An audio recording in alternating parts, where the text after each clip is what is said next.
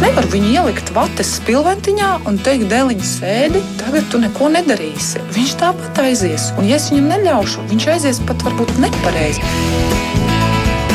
Mēs tiekamies ģimenes studijā.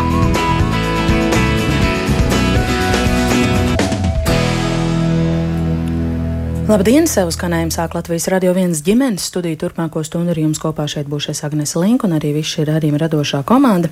Labklājības ministrija novembra beigās uzsākusi informatīvu kampaņu Es gribu savas mājas. Tās mērķis veicināt sabiedrības izpratni par bāreņu un bez vecāku gādības palikušu bērnu aprūpi, par ģimeniskas vides nozīmību bērnu veselīgai un pilnvērtīgai attīstībai un arī samazināt institūcijās esošo bērnu skaitu, rosinot iedzīvotājus kļūt par auģu, ģimenēm aizbildņiem, adoptētājiem vai viesģimenēm.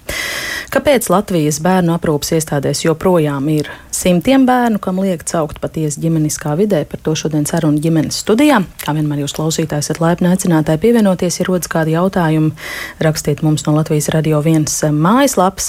Mans sarunu biedrenis šodien ģimenes studijā ir Labklājības ministrijas parlamentārā sekretāra Evita Sālīta Grausa. Labdien! Labdien! Latvijas bāriņtiesu darbinieku asociācijas vadītāja Aurika Zīvērte ir mums kopā telefoniski. Esat sveicināta! Labdien! Un uh, sveicinu arī atbalsta biedrības tilts pārstāvi Vēsmu Sandbergu. Labdien! Labdien! Es sākšu ar jautājumu jums visām trim. Droši vien vispirms vērsīšos pie Evitas. Cik Latvijas bērnu namos, ja bērnu aprūpes iestādēs šobrīd ir bērnu, kam vēl nepieciešams rast ģimeniskās aprūpes formas, un kāpēc tas skaits nesarūk tik raiti, kā mēs varētu vēlēties? Jā, nu tā tad eh, šobrīd eh, sociālās aprūpas centros, ko mēs tautas valodā runājam, ja tā varētu būt bērnu nami, ir eh, bērni, vairāk kā 500 bērni, un, un no tiem pārpa 70 bērni ir ar īpašām vajadzībām, kas ir sociālās aprūpas centrā Rīga, un uh, nu, tātad ar, ar īpašām vajadzībām, mm -hmm. un ir arī jaunieši, kādi m, mm, kopumā 300 jaunoši, jaunieši no 13 līdz 17 gadiem. Tāda ir tā šī brīža statistika. Un, eh, un, un daļa jauniešu atrodas arī, nu, ne jaunieši, bet vispār eh, bērnu, atrodas eh, savus bērnu ciematos, kur mēs jau varam droši teikt, ka viņiem ir faktiski nu, nu, garantēta un ģimeniska vide, jo tur ir savs mamma un tur ir viss, viss darīts, viss iespējamais, lai bērns justos kā ģimenē. Tad reāli mēs runājam par bērniem, kuriem nav ģimenes, tie ir vairāk kā, nu, apmēram 400. Mm -hmm. Tad tas, kas preses relīzē rakstīts, ka bērnu aprūpes iestādēs 2001. gadā 568. Šobrīd 506 2021. Mm -hmm. gadā. Mm -hmm. Un tad 506, nu jā, tur neliela starpība starp 470 jā. un 506. Nē, nē, tur e, nav starpība. 506 ir, e, ir e, kopumā visās, nu, visās formās. Respektīvi, gan, gan bērni ar īpašām vajadzībām, gan sociāliem, gan viss ir saskaitīti mm -hmm. kopā. Mm -hmm. Kas ir tas iemesls, kāpēc tas skaitlis nav tuvāk nulei, kā mēs varētu vēlēties? Vai, vai tas, kādā tempā tas aprūpas iestādēs esošo bērnu skaits ir rucis pēdējo gadu laikā, ir apmierinošs? E, protams, ka mēs vispār tādā kategorijā kā apmierinoši droši vien ir ļoti sarežģīti runāt par šo tēmu, bet ir skaidrs, ka e, salīdzinoši, protams, ar kādu e, nezinu, 2017. gadu tas skaitlis ir uz pusi samazinājies. Un tam ir, prot, tiem ir iemesli dažādi. E, viens no tiem, ko jūs jau minējāt, ir e, tas, ka, protams, e, dzimstība vispār Latvijā samazinās. Un tad ir šis fantastiskais lēciens, kas notika 2018. gadā, kad izveidoja ārpusģimenes aprūpas centrus, un viņi veidoja šīs jaunās auģu ģimenes un iedvesmoja e, un darīja visu iespējamo, lai, lai bērni nenonāk vispār aprūpas iestādēs. Jo tas viens iemesls, kāpēc paliek mazāk, ir tas, ka bērni nenonāk aprūpas iestādēs. Viņus, tiek, viņus izņem no ģimenes, bet viņus neliek institūcijā, bet viņi, viņi tā, tā tad viņi uzreiz tiek kādā no statusiem vai auģu ģimene vai vai aizbildnība, tātad, vai pat adopcija, vai, vai nu jā, tad mums ir trīs. Mums ir jā, jāvienojas par, tādām, par tādiem trim nopietniem statusiem. Ja mēs runājam par šiem bērniem, kas palikuši bez vecāku gādības, ka Latvijā tā tad ir e, divas ārpusģimenes aprūpas formas, patiesībā trīs aprūpas formas. Viena ir aizbildnība. E, tā ir persona, kas ir iecelta vai apstiprināta civila likumā noteiktajā kārtībā. Respektīvi, jebkuram bērnam jābūt aizbildnim. Un aizbildnis faktiski aizvieto vecākus.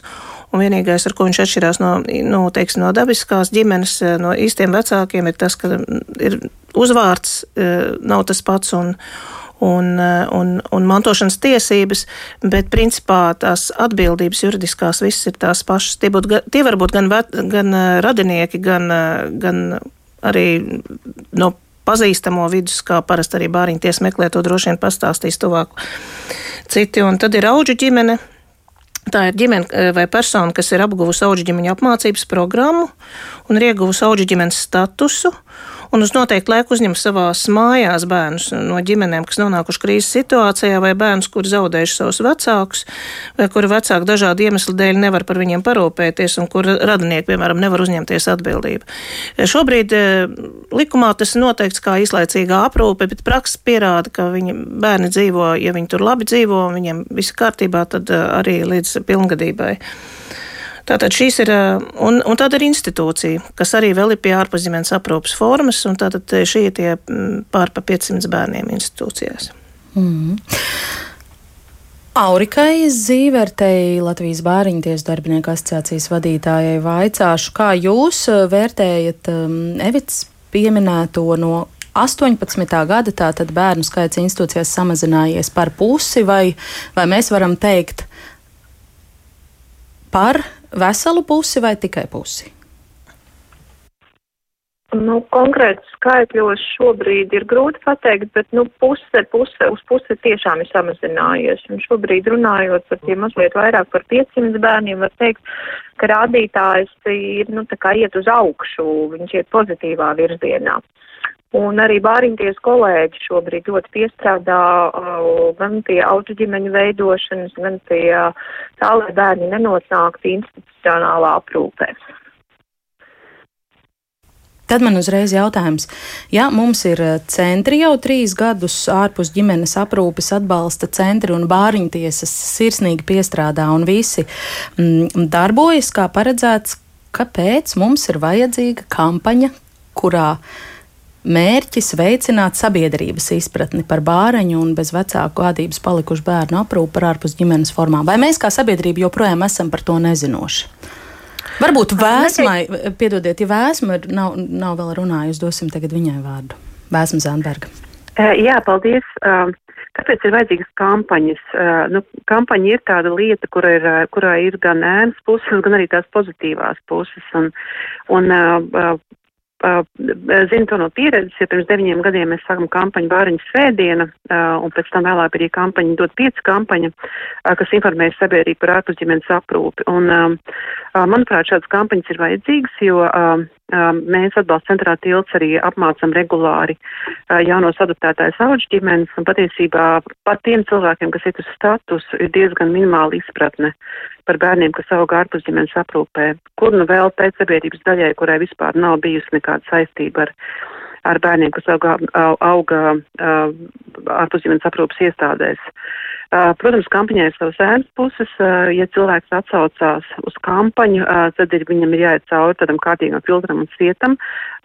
Un jāpārbauda dažādi viņa dzīves aspekti, jāapmāca šī ģimene, jāsagatavo, bet uh, noteikti kā tāds uzrunājušs faktors, es domāju, ka kampaņām joprojām ir sava vieta, jo joprojām ir šie 500 bērni ārpus ģimenes aprūpas iestādēs. Bet mans jautājums ir par to, vai tas ir sabiedrības nezināšanas, neizpratnes dēļ. Uh, uh, Aurika turpinās, jā? Ja? Jā. Mhm. Uh, nē, neteiksim, ka pilnīgas neizpratnes vai nezināšanas dēļ, bet kampaņas ir nepieciešams, lai uzrunātu arī tos cilvēkus, kur iespējams šobrīd vēl domā par šo, kuriem, uh, kuri līdz šim nebija apsvērši to domu, bet šobrīd viņi līdz tai domai ir nonākuši. Iespējams, kādu no potenciālām auģu ģimenēm vai aizbildņiem adoptētājiem uzrunā šī kampaņa. Tāda vienreizīga, masveidīga kampaņa nesniedz to rezultātu, jo cilvēki līdz šim lēmumam nonāk ilgā procesā un tādā izsvērtā procesā. Man jāsaka, lielas pārmaiņas ir labi. Saka, kas lēni nāk, tas labi nāk, bet tam ir savs. Uh, Tas, eh, tam ir savs skaidrojums. Tādi lieli, eh, ja mēs runājam par bērnu ienākšanu ģimenē, un vispār par tādām lielām fundamentālām izmaiņām katra cilvēka dzīvē, eh, tam ir vajadzīgs laiks un nopietns izsvērts risinājums. Un iespējams, ka nu, arī valsts kā sabiedrība no, nobriest daudz lēnāk, kā mēs katrs savā mūža laikā gribētu. Daudz lietas, par ko mēs arī politiskās situācijas un tikumi, ar kādiem mēs dzīvojam, mēs gribētu, lai tas viss mainās uz sitienu, bet uh, ir tikai laiks sabiedrotais. Un manuprāt, ka tas uh, mūsu sabiedrības izpratne un līdzjūtība un empātija un viss, manuprāt, viņa virzās diezgan uh, lieliem soļiem, jo tas fakts jau, ja mēs runājam par ārpus ģimenes aprūpi, tas, cik daudz cilvēku ie, iesaistās šajā ārpus ģimenes aprūpē un cik joprojām ir vajadzības, tā proporcija ir diezgan, nu, kā lai saka, liela. Ja mēs skatāmies, kā sarūk bērnam esošo bērnu skaits, tad tik ātri nesarūk ārpus ģimenes izņemto bērnu skaits, respektīvi no ģimenēm.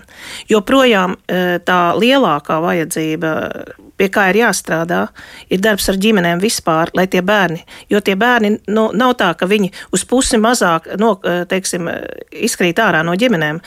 Tas skaitlis arī sarūk, bet proporcionāli viņš nesarūk tik ātri, cik pieaug šo atbalsta ģimeņu skaits. Tā kā teikt par, par to, ka mums, teiksim, ir slikti rādītāji, es nekādā ziņā neteiktu. Un tomēr ir arī jāsaprot, ka e, pieņemt e, šādos izaicinājumus, nu, faktiski tādā laikā, kur mēs esam finansiāli nestabili, kur mums notiek visādas tādas, uh, nu, nu, tādas Mēs neesam tik droši par sevi ikdienā. Eh, tā, tādā laikā pieņemt arī šādu krīzes situācijas, ja nu šobrīd krīzes situācija, pieņemt šādu lēmumu nav tik vienkārši. Labāk to lēmumu pieņemt lēnām, eh, bez steigas, iziet apmācības, pārdomāt. Un, eh, un, un, un tad pieņemt šo lēmumu, pieņemt bērnu ģimenei. Bet laiks ir sabiedrotais, un kampaņas ir vajadzīgas. Es pieņemu, ka mums vēl kāds laiks paies, līdz mēs pirmkārt tiksim brīvi no bērnamiem, Un otrkārt, e, panāksim, ka vispār pēc iespējas mazāk bērnu vispār no ģimenēm tiek e, izņemti, jo tas ir pats pamats, un, un tur ir daudz darāmā patiešām. Mhm. Pandēmijas laiks arī jūs sakāt, ir sabremzējis tos procesus, mm, kādā, kādos veidojās un vairojās augu ģimeņu skaits. Ne? Es neuzdrošinātos tā teikt, tādēļ, ka man nav tas bija tas, datu. ko es saklausīju. Nē, nē, es drīzāk. Es varētu pieņemt, ka tas tā ir. Man nav datu vai ne par pandēmiju. To drīzāk varētu varbūt, uh, pateikt uh, no ār, ārpusģimenes atbalsta centra, kāds, kā, nu, kāda šā dinamika ir, ja? cik uh, ģimenes nāk klāt, vai, vai, vai viss ir apstājies. Es nezinu, bet es pieņemu, ka tas tā ir. Jebkādas krīzes, nu, un nedrošības sajūtas. Un es domāju, ka pasaulē tagad ik pa laikam kaut kas notiek, un ja cilvēks jūtās nedroši, viņš neuzņemsies atbildību. Bet, bet nu, jā, es, es saku, ka pozitīvs tas viss ir tas rādītājs, bet mēs varam, protams, labāk, un tāpēc mēs atgādinām par šiem statusiem, mēs atgādinām par to, ka tādi bērni ir. Mēs vienkārši tā kā lēnām atgādinām, nu, patiešām lēnām, lai, ja kāds arī sadzird, ja kāds ir izlēmis, tad interesēties ārpuszemes aprūpas centros, bāriņtiesās, ko var darīt, iziet, kas ir ļoti svarīgi. Apmācība, jo tajā apmācības procesā cilvēks saprot, ko viņš spēj un ko nespēj. Vai viņš var būt emocionāli noturīgs, vai viņš var būt piesaists persona, vai viņš ir gatavs šādam uh, izaicinājumam. Piemēram, ja mēs runājam par pusaudzi, pavisam noteikti es domāju, ka katrs cilvēks, kurš domā paņemt vai nepaņemt, viņš ilgi, ilgi domās, jo viņš zina, gan sevi atpazīst pusauģu gados, gan savus bērnus, gan draugu bērnus. Un, Un tās problēmas jau patiesībā ir līdzīgas, tikai nu, stāsts par tiem bērniem, kas ir izņemti no ģimenes, viņiem nāk līdzi ļoti traumatisks pieredzes. Un, Un, un līdz ar to arī aizsarga reakcijas iz, un viss šīs lietas, kas vēlāk ir tas, pret ko nu, tā, ar ko tā ģimene, ar ko tā ģimene nāks, nāks saskarties. Un tad ir jautājums, vai ir palīdzība, vai, vai ir zināšanas, nu, mm. tas viss. Vai es pareizi saprotu, ka auģu ģimene ir tā uh, aprūpas forma, ko jūs šai kampaņā vēlētos veicināt? Es nevaru teikt, ka tikai auģu ģimene. Es domāju, ka aizbildnība ir tāda pati cēla misija, pie tam ļoti sena cēla misija, kā praktiski iesaistīties vai radu bērnu vai kāda sev pazīstama bērna dzīvē, nokārtojot aizbildņa statusu. Un, un lielās bāriņties gan pārsvarā dod tādu piešķir šo statusu, ka tev jau ir pazīstams bērns, vai tu esi rats, vai ļoti tuvs.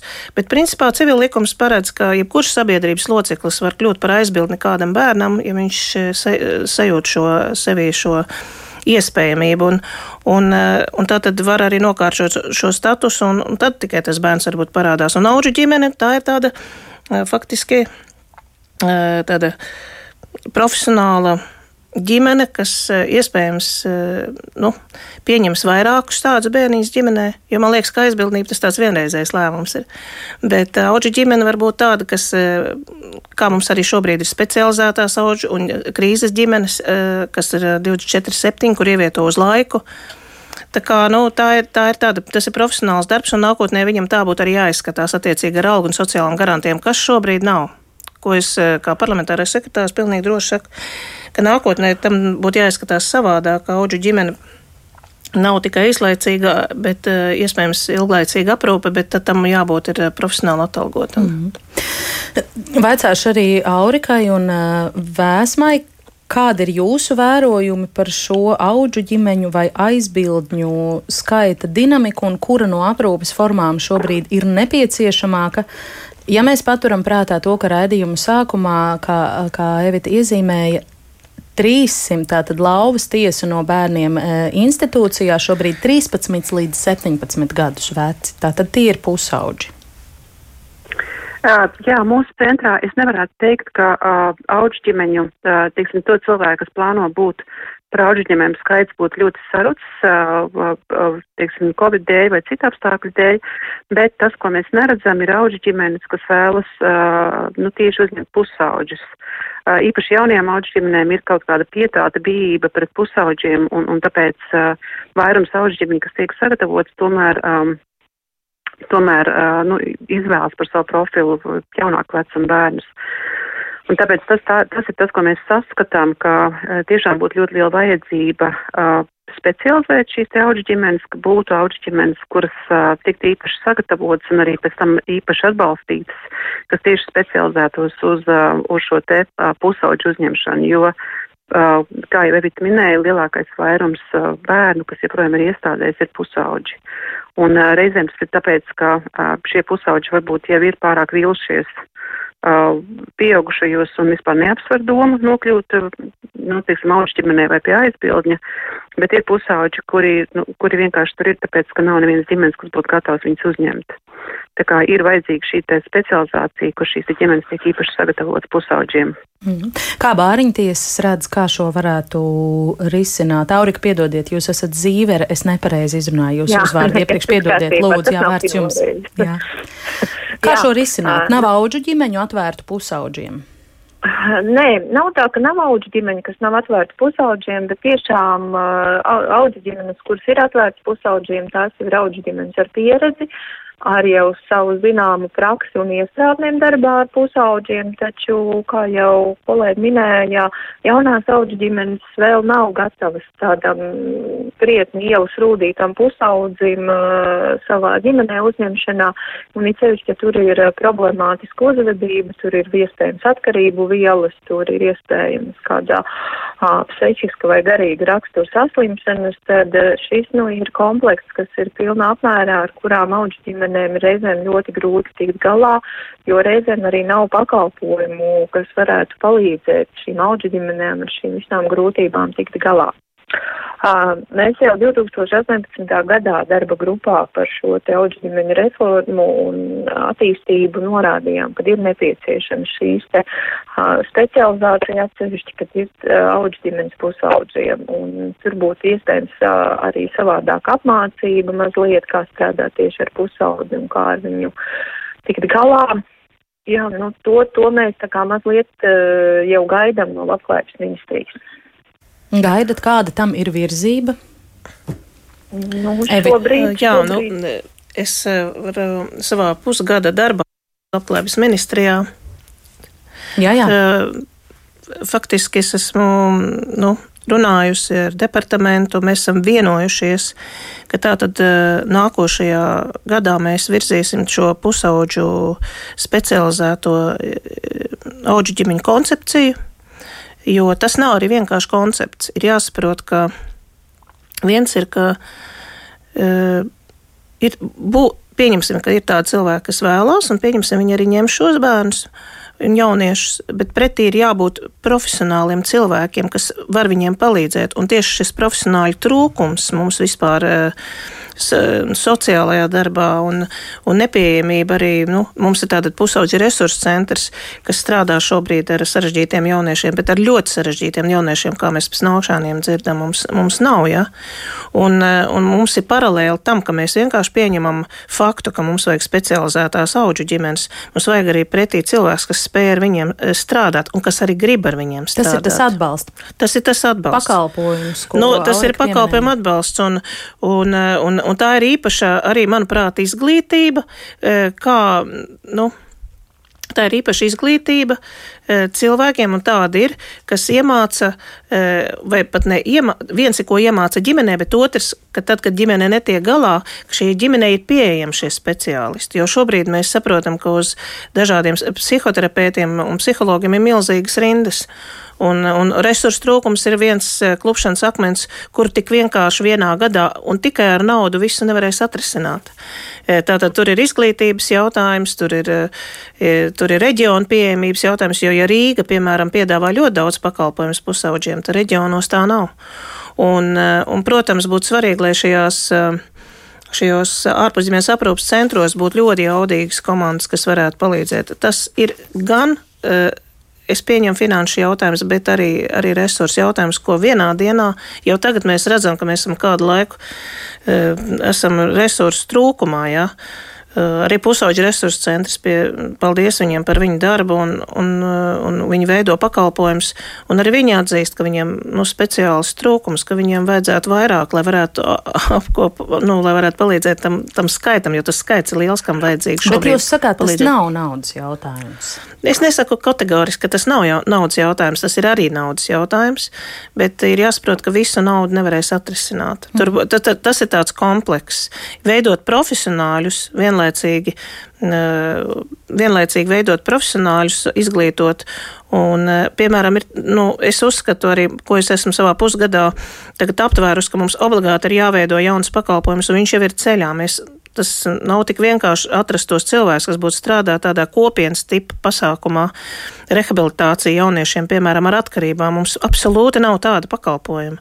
Nekad nav bijis. Tas mm. ir mhm. pilnīgi jauns kaut kas. Bet bez, bez šī mēs nevarēsim tālāk tikt.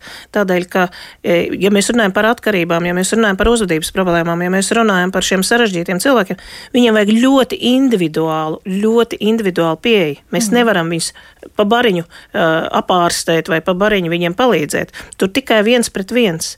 Tāpat laikā šie jūsu jau iepriekš pieminētie 18. gadā izveidotie ārpus ģimenes aprūpes atbalsta centri nav fokus uz šo grupu, uz šiem pusauģiem. Viņi nevar viņiem palīdzēt šobrīd.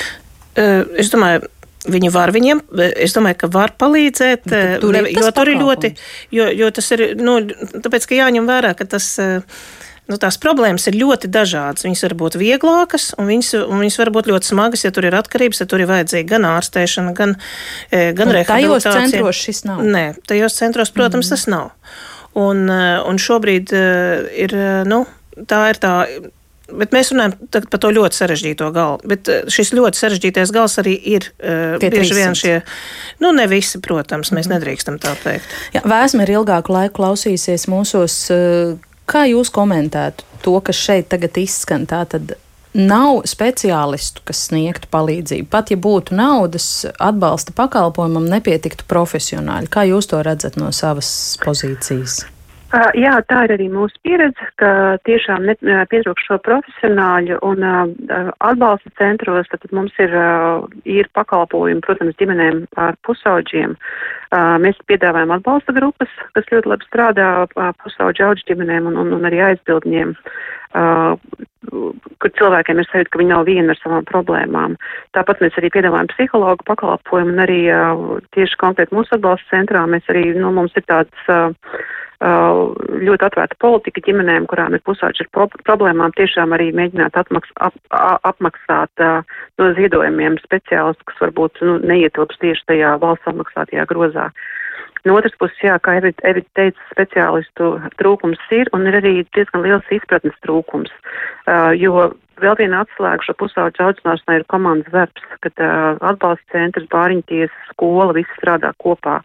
Bet šobrīd uh, nu, mūsu pieredze ir tāda, ka nu, to, teiksim, to atbildību par to bērnu uh, skolu, futbolē, bāriņtiesā, bāriņtiesā auģu ģimenei un, un tam līdzīgi. Jā, un nav tāda vienota izpratne, uh, kas ir kā pienākumu un, un kurš ko darīs. Ja? Un es arī mhm. saprotu, iespējams, no resursu skolās nav izpratnes, ja, bet uh, atkal un atkal mums ir šie, šie te konflikti situācijas ar skolām, kuras, uh, nu, vienkārši tā, nu, uh, vienkārši runājot, krastās vaļā no šiem pusauģiem, ja? un, un saka, meklējiet viņiem citu iestādi, jo viņiem arī nav resursu, kā palīdzēt. Bāriņu tiesu darbinieku pārstāve Aurika Zīvere, kā jūs komentēt, komentēsiet to, ka tas, ko kolēģi saka, starp institūciju sadarbība, tā skaitā bāriņtiesas kompetencija atbildības jomā, nenotiek tā, kā tai būtu jādarbojas?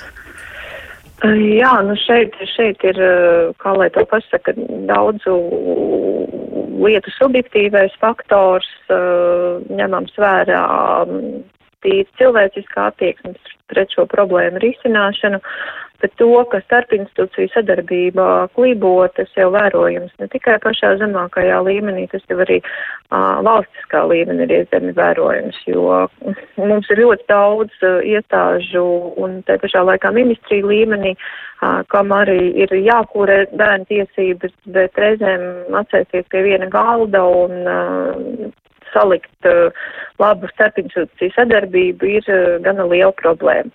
Taču šobrīd mēs ļoti cerīgi skatāmies, ka uh, šī sadarbība sāk iet po ļoti pozitīvā virzienā un arī līdz ar to tad arī, arī bāriņtiesas un citi sociālie dienesti un ārpus ģimenes atbalsta centri arī iet uz to sadarbību. Varbūt, kad arī Covid laiks mazliet ieviesis tādu, nu, nu tādu, tas attālinātais darbs un šāda komunikācija reizēm pietrūks šajā posmā, bet pamazām arī kolēģi mācās šo visu. Jā. Nedaudz sarkastiski gribās piebilst, ka ministrijai jāapdomā tad varbūt arī institūciju informēšanas kampaņa. Ne tikai sabiedrības Jā, nu mēs, informēšanas ne, kampaņa. Absolūti. Es domāju, nu tas, tas gan ir saistīts ar, nu teiksim, tādu pieredzi pagātnē katram individuāli, kas strādā gan institūcijās, gan ministrijās, gan vis, vispār spēja sadarboties ir spēja un vēlme.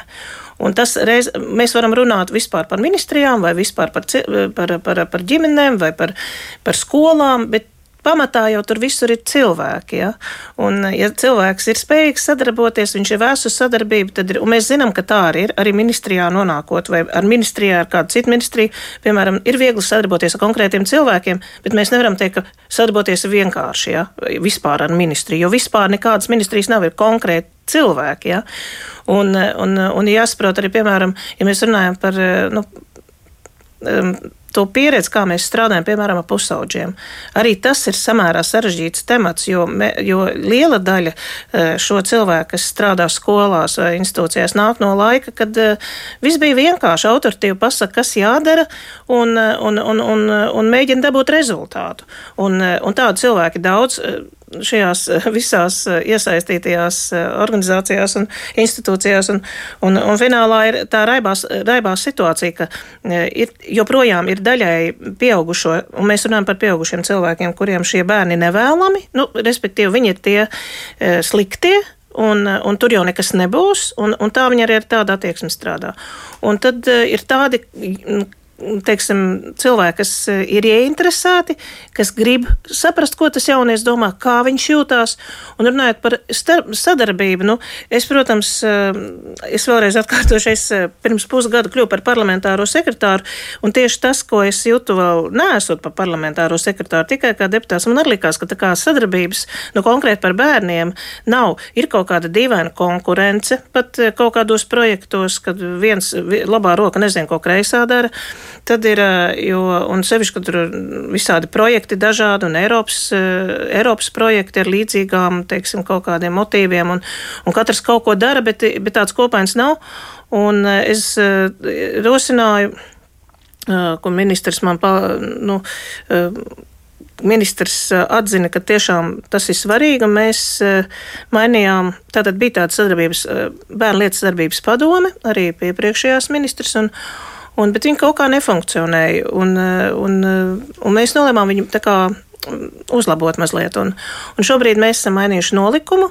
Mēs, eh, mēs centīsimies veidot tādu struktūru, darba struktūru, lai, lai tas būtu jaudīgāk, lai, lai nevalstiskās organizācijas, kas, kurām šorīt saku paldies par darbu un lai viņas nejūtās izmestas no, no šī notikuma Bērlietas sadarbības padomu, sadarbības padomu turpina darbu un visi iesaistītie tik, tiks personīgi uzrunāti un mēs strādāsim, mēģināsim sēsties pie viena galda un runāt par bērnu jautājumiem visi kopā. Tas, kas ir Pirmkārt, ir jāvēlās, protams, un, un mums ministrijai tāda vēlme ir, man tāda vēlme ir, ministram tāda vēlme ir aicināt visus pie galda un runāt par problēmām un pēc iespējas ātrāk nonākt pie lēmumu, pie risinājuma. Jo runāt, kā mēs zinām, ar jebkuru labu projektu var nogremdēt darba grupu, tas ir fakts. Nu, jā, un runājam par šo mēs te jau vai kopš 15. gada es cēlu augšā materiālus jā. un palasīju vēl par deinstitucionalizācijas de, de plānu, un, un tas arī liek domāt eh, par to, ka mums šobrīd, 21. gadā, ir kampaņa par sabiedrības informēšanu. Tas arī par tiem daudzajiem miljoniem un par to izlietojumu un, un izdošanos vai neizdošanos mēs droši vien varētu vēl diskutēt dažas stundas, bet to mēs varbūt atstāsim arī krustpunktu kolēģu kompetencē. Galu galā es šobrīd gribētu, ka mūsu sarunai tūdaļ pievienojas vēl kāds runātājs. Tā ir Karina Petersona. Viņa ir eh, pati uzaugusi bērnu namā, to neslēpj un daudz par to publiski runā. Viņa nesen savā ģimenē, salīdzinoši nesen uzņēmusi 17 gadus vecu, bez vecāku gādības palikušu meiteni. Un eh, Karina piekrita padalīties savā pieredzē ar ģimenes studijas klausītājiem. Tad uzklausīsim šo pavisam reālo stāstu. Tad, kad uh, meitene ienāca mūsu ģimenē, viņai bija 17 gadi. Tas bija pagājušā gada oktobrī. Tad brīdī es domāju, ka kaut kad pēc gada es varētu būt uzņemošā ģimene. Nu, tā morāli briedu, par cik es pati esmu uzaugusi bērnamā, tad man šī tēma ir tāda ļoti aktuāla. Un uh, toreiz sakrita tā, ka mūsu meitene caur vienu paziņu uh, sazinājās ar mani, griezās pēc palīdzības. Tad brīdī viņa bija tādā nu, ļoti smagā emocionālā stāvoklī, nu, ar diezgan augstu tādu pašnāvības risku. Un es uzņēmos tādu kā atbalsta personas statusu.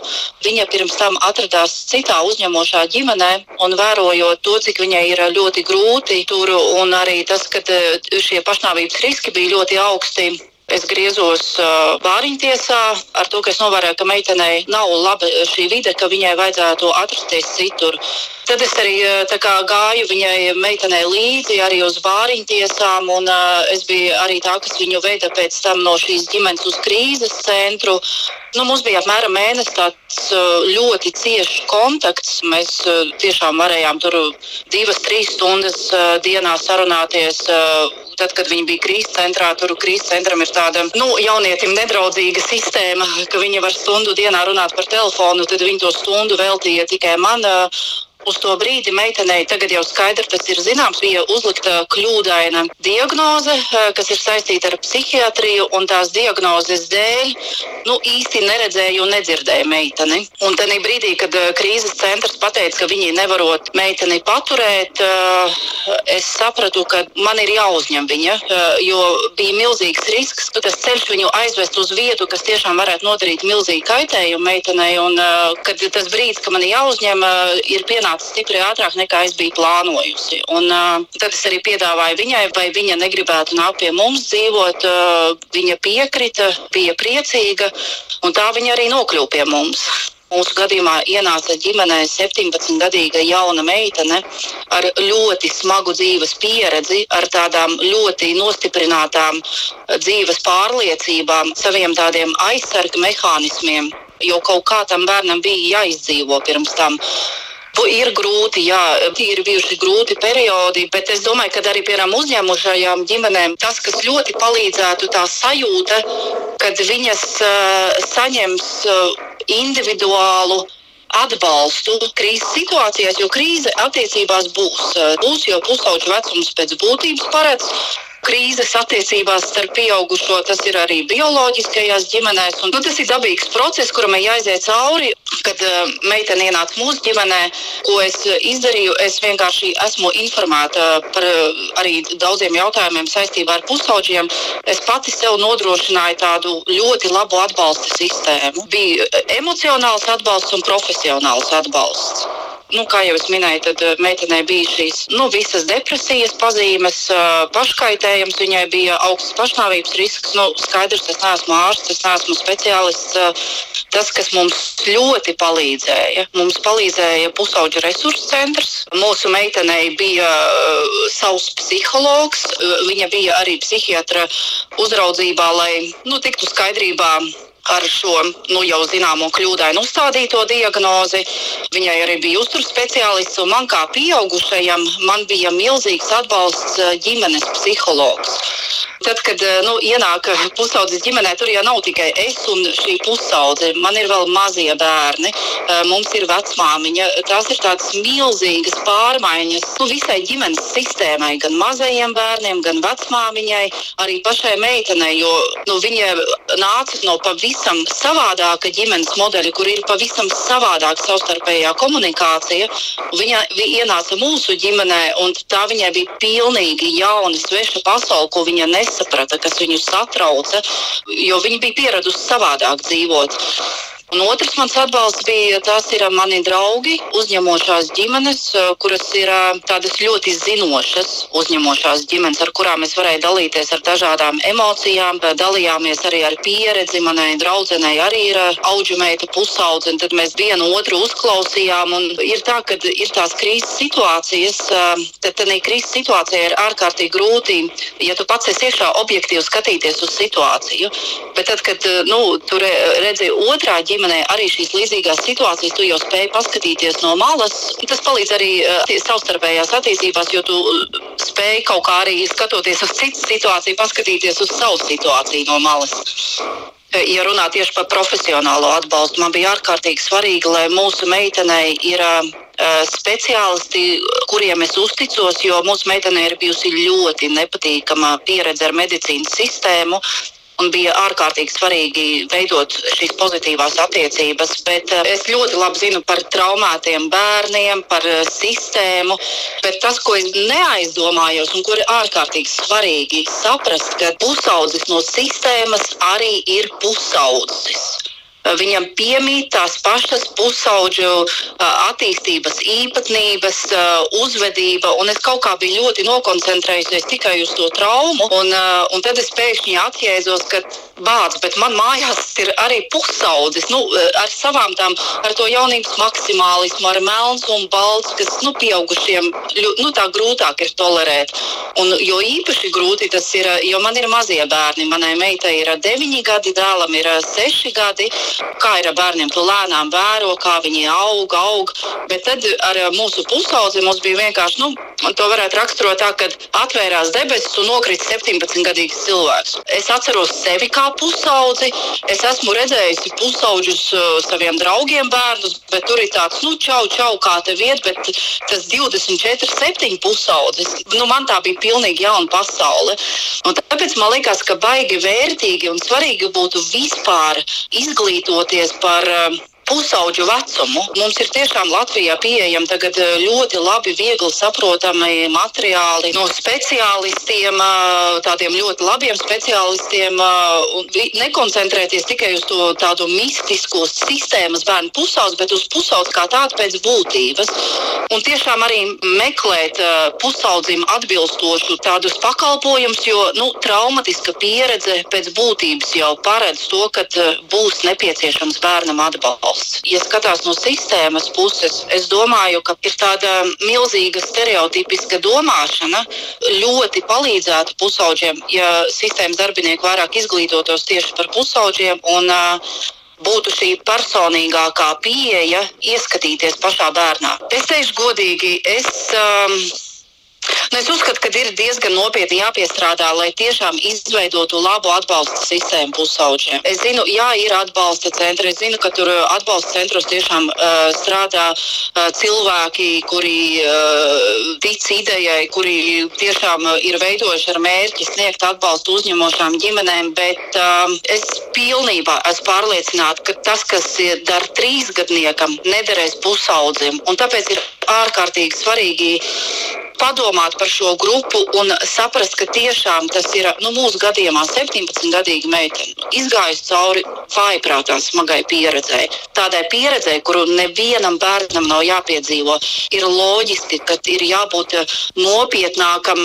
individuālajam atbalstam. Nu, man tā pārliecība ir nekāda nauda. Ja nebūs tā drošības sajūta, ja nebūs mērķtiecīgi mērķēts atbalsts, tieši viss atbalsts sistemātika, nu, ja runā no uzņemošās ģimenes puses eh, bailes ir saprotamas, ir, ir šīs bailes uzņemt. Kas ir bonus, man liekas, ļoti svarīgs bonus. Tās ir šīs atbalsta grupas uzņemošajām ģimenēm, jo tiešām ir ārkārtīgi svarīgi, ka tu vari parunāt un dalīties ar cilvēkiem, kuri tevi saprot, es, es tiešām biju nopakojusies ar tādu ļoti labu atbalstu, bet arī mums bija krīze savstarpējās attiecībās. Un otra lieta, kas ir tāda nu, sāpīga, diezgan tā ir sekundārā trauma. Tiešām ir emocionāli ļoti smagi un sāpīgi. 24, 7 redzēt jaunieti, kas ir izgājis cauri smagai pieredzei. Jo tas nav tur noskatīties vienu sižetu un aizmirst, bet tu 24 stundas diennaktī redzi, kādas sekas atstāja bērnā smaga traumatiska pieredze. Un šī sekundārā trauma viņam var būt smaga, bet arī ar to ir jāstrādā. Principā bērnu uzņemšana, tas lielākais darbs ir tieši darbs ar sevi. Par sevi var uzzināt diezgan daudz arī tādas nepatīkamas lietas, bet tur nav bērna vaina. Tās ir lietas pieaugušajā, kur pašam pieaugušajam ir jātiek galā ar sevi un jāstrādā. Pusaudzes sistēmā ir tāds nezināms, mistisks bubulis. Mums šis bērns ir jānormalizē. Un pati sistēma to var tiešām arī izglītojoties un personīgi pieejot. Katram bērnam jau tiešām, nu, kā man draudzene Elīna Bataraga saka, neviens neviens bērns negrib būt slikts. Visi bērni grib būt labi. Tas, ko es arī esmu teikusi mūsu meitenei, tas, ka mēs viņu uzņēmām savā ģimenē, kad viņa ir daļa no mums, tas ir viens no maniem dzīves labākajiem lēmumiem.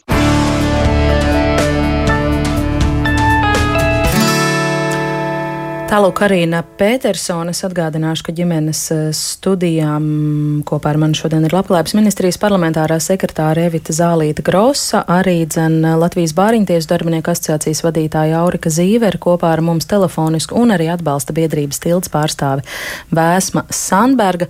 Vēsma jums pirmajai vaicāšu, par ko domājāt klausoties Karīnas teiktajā? Klausoties Karīnas teiktā, es arī sekoju viņai sociālajos tīklos. Uh, visu cieņu cepuru nost uh, man principā nav ko piebilst šai viņas pieredzē. Viņa ļoti labi izstāstīja gan uh, to labo, gan arī to grūto, ļoti realistisks skatījums, un, un es domāju, ka jebkurai ģimenei, kura pat apsver iespēju uzņemt pusaudzi, būtu vērts to noklausīties un, un ņemt vērā Karīnas pieredzi. Jā. Viņa runā par atbalsta trūkumu, akcentē to pašu, pie kā mēs jau šeit, Evita, nonācām secinājumos. Tas vienotais atbalsts. Tad tomēr nekur no tā tālu prom nevaram aiziet. Šobrīd jau es kā amatpersona, man gan pašai arī pieredze ārpus ģimenes aprūpē. Un jums nav jātur sveci zem pūra arī padalīties ar to? Es, es vienkārši gribu teikt, ka uh, tie cik bērnu, tik gadījumu, un neviens no viņiem nepiedzimis slikts. Patiešām tur ir absolūta taisnība. Bet, uh, Bet uh, tas atbalsts uh, viens ir tātad šis, nu, ko, ja mēs vispār uzrunājam cilvēkus, jā, lūdzu, meklējiet sevi resursus. Pat tiešām, ja jums ir šī vēlme praktiski palīdzēt eh, jauniešiem vai bērniem, eh, es varu aicināt meklējiet sevi resursus, aiziet uz ārpuszemes aprūpas centru, aprunājieties ar speciālistiem, um, izejiet kursus. Bet es nevaru garantēt, piemēram, ka šobrīd, e, jebkurā dienas laikā, būs pieņemts speciālists, tad, kad viņu vajadzēs. Tā ir godīga atbilde. Simtprocentīgi ne, ir speciālisti, ir pusauģi resursu centrs, ir uh, psihologi, un viņi ir pieejami, protams. Vai viņi būs uzreiz pieejami, vai pilnā mērā, vai absolūti tiks nolasīts tās vajadzības, es to nevaru garantēt. Bet arī neskatoties uz to, mums, mums, mēs kā valsts esam ceļā, un arī mūsu ministrija um, ar katru dienu aizvien vairāk apzinās, ko mēs vēl varam darīt. Un tātad, um, Nākošajā periodā mēs jau esam, tātad šogad mēs esam palielinājuši tātad uzturlīdzekļus aizbildņiem. Mēs esam caur gadiem palielinājuši uh, arī auģu ģimeņu uzturlīdzekļus un, un, un visādi veidi atbalsts. Un, protams, ka uh, tā ir tikai viena maza daļa, kas ir vajadzīgs, jo patiešām, kā Karina saka, nauda iespējams nebūs tas izšķirošais. Svarīgi, vai cilvēks jūtās droši tajā brīdī, kad viņiem, uh, kad viņiem būs vajadzīga palīdzība. Mēs esam paredzējuši nākošu gadu, ka tātad budžetā Mums atbalstīja, ka uh, Labklājības ministrija, ka nākošais gads arī sociālais darbinieks būs pieejams arī uh, ārpuszemes aprūpas centros arī aizbildņiem. Un, e, un tās tā, tie ir tie mazie soļi, ko mēs varam un darīsim.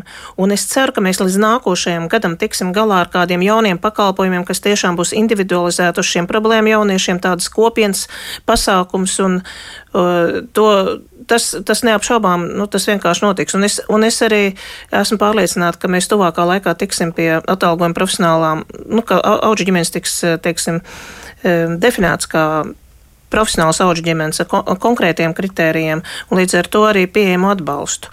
Tā ir tā e, godīgā atbilde, ka nav viss pilnīgi, protams, un e, jāsaprot, kādā laikā mēs dzīvojam, ka šie, šie, šie speciālisti, par kur trūkumu mēs šobrīd runājam, viņi ir ļoti, ļoti nepieciešami ne tikai cilvēkiem, kuriem ir bērni ārpus ģimenes aprūpē, bet arī e, par to, par ko jūs runājat ģimenes studijā katru nedēļu. Faktiski tas es iedomājos, ka kāpēc ir tik svarīgi eh, par to runāt, ka to bērnu ņemt savā ģimenē. Ja vien ir drosme un spēks un, un vēlme praktiski darīt lietas. Eh, tādēļ, ka visi šie jautājumi, par ko jūs runājat eh, ģimenes studijā, Eh, uz viņiem neattieksies. Respektīvi, par viņiem neviens tā neuztrauksies un neņemsies, ja nebūs viena atbalsta persona, viens uzticības cilvēks. Viņš vienkārši nevarēs saņemt to, to uzmanību. Jo bieži vien jaunieci ienākot ģimenē, viņam puse no problēmām pazūd, ka viņš saprot, ka tam lielajam interesē, kā viņš jūtās un kā viņam klājās dzīvē. Un, ja tāda atbalsta persona ir, sapratu, mēs šodien nepieminējām vienu, e, vienu tādu veidu, kā varētu mēģināt e, pietuvi, pietuvoties um, jaunietim, ir tāda uh, institūcijā, ir viesģimene. Tā, tas ir tāds, man liekas, ļoti neizmantots resurss, ka, ka, ko var iegūt viesģimenes status bāriņtiesā un tad e, nedēļas nogalēs, brīvdienās. No sākuma godīgi izrunājot ar jaunieti, ka tas ir. Tas nav pavisam, ka mēs sākam to iepazīšanās ceļu ļoti lēnām. Un tad tas var būt labs tilts uz, uz, uz kādu citu noturīgāku formu. Bet varbūt tas ir tas sākums, kā var spērt soli pretī vienam sarežģītam un ievainotam cilvēkam. Mm. Aurika, jums būs eh, jānoslēdz mūsu šīs dienas eh, saruna vairs uh, trīs minūtes tikai atlikušas, tomēr, ja mēs atgriežamies pie jautājuma, kur rast tās auģu ģimenes, kas varētu būt atvērtākas pusauģiem un, un ārpus ģimenes aprūpē esošo pusauģu vajadzībām? Tas ir cilvēku iekšējais resurs.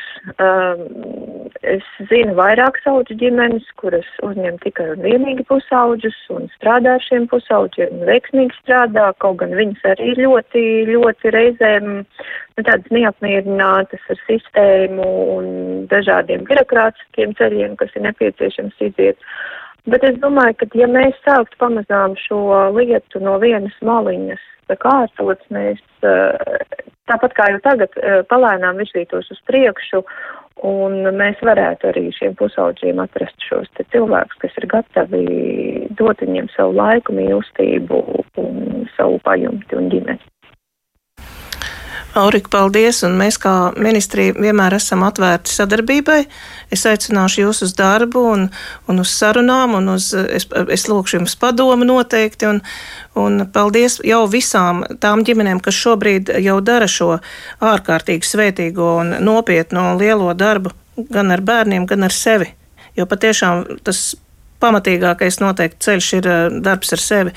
Un eh, Labklājības ministrija noteikti ir atvērta un, un strādās centīgi, lai palīdzētu tiem cilvēkiem, kas jau ir, kas jau, ir, eh, kas jau dara šo darbu un kas vēl tikai domā par to.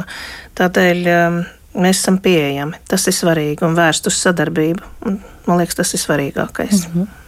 Vienīgais sadarbības eh, partneris, kas man jums vēl jāiesaka, to jūs droši vien zinat vēl labāk par mani pašu, ka mēs zinām, ka mums ir pašvaldības, kurās ir eh, pilnībā nokomplektēts vajadzīgo auģu ģimeņu skaits, un ļoti daudz ir tādu, kur nav tik, cik vajag, un ir arī tādas, kur nav nevienas. Laikam jau tas ir tieši atkarīgs arī no katras konkrētās pašvaldības aktivitātes un rīkošanās šī jautājuma virzībā.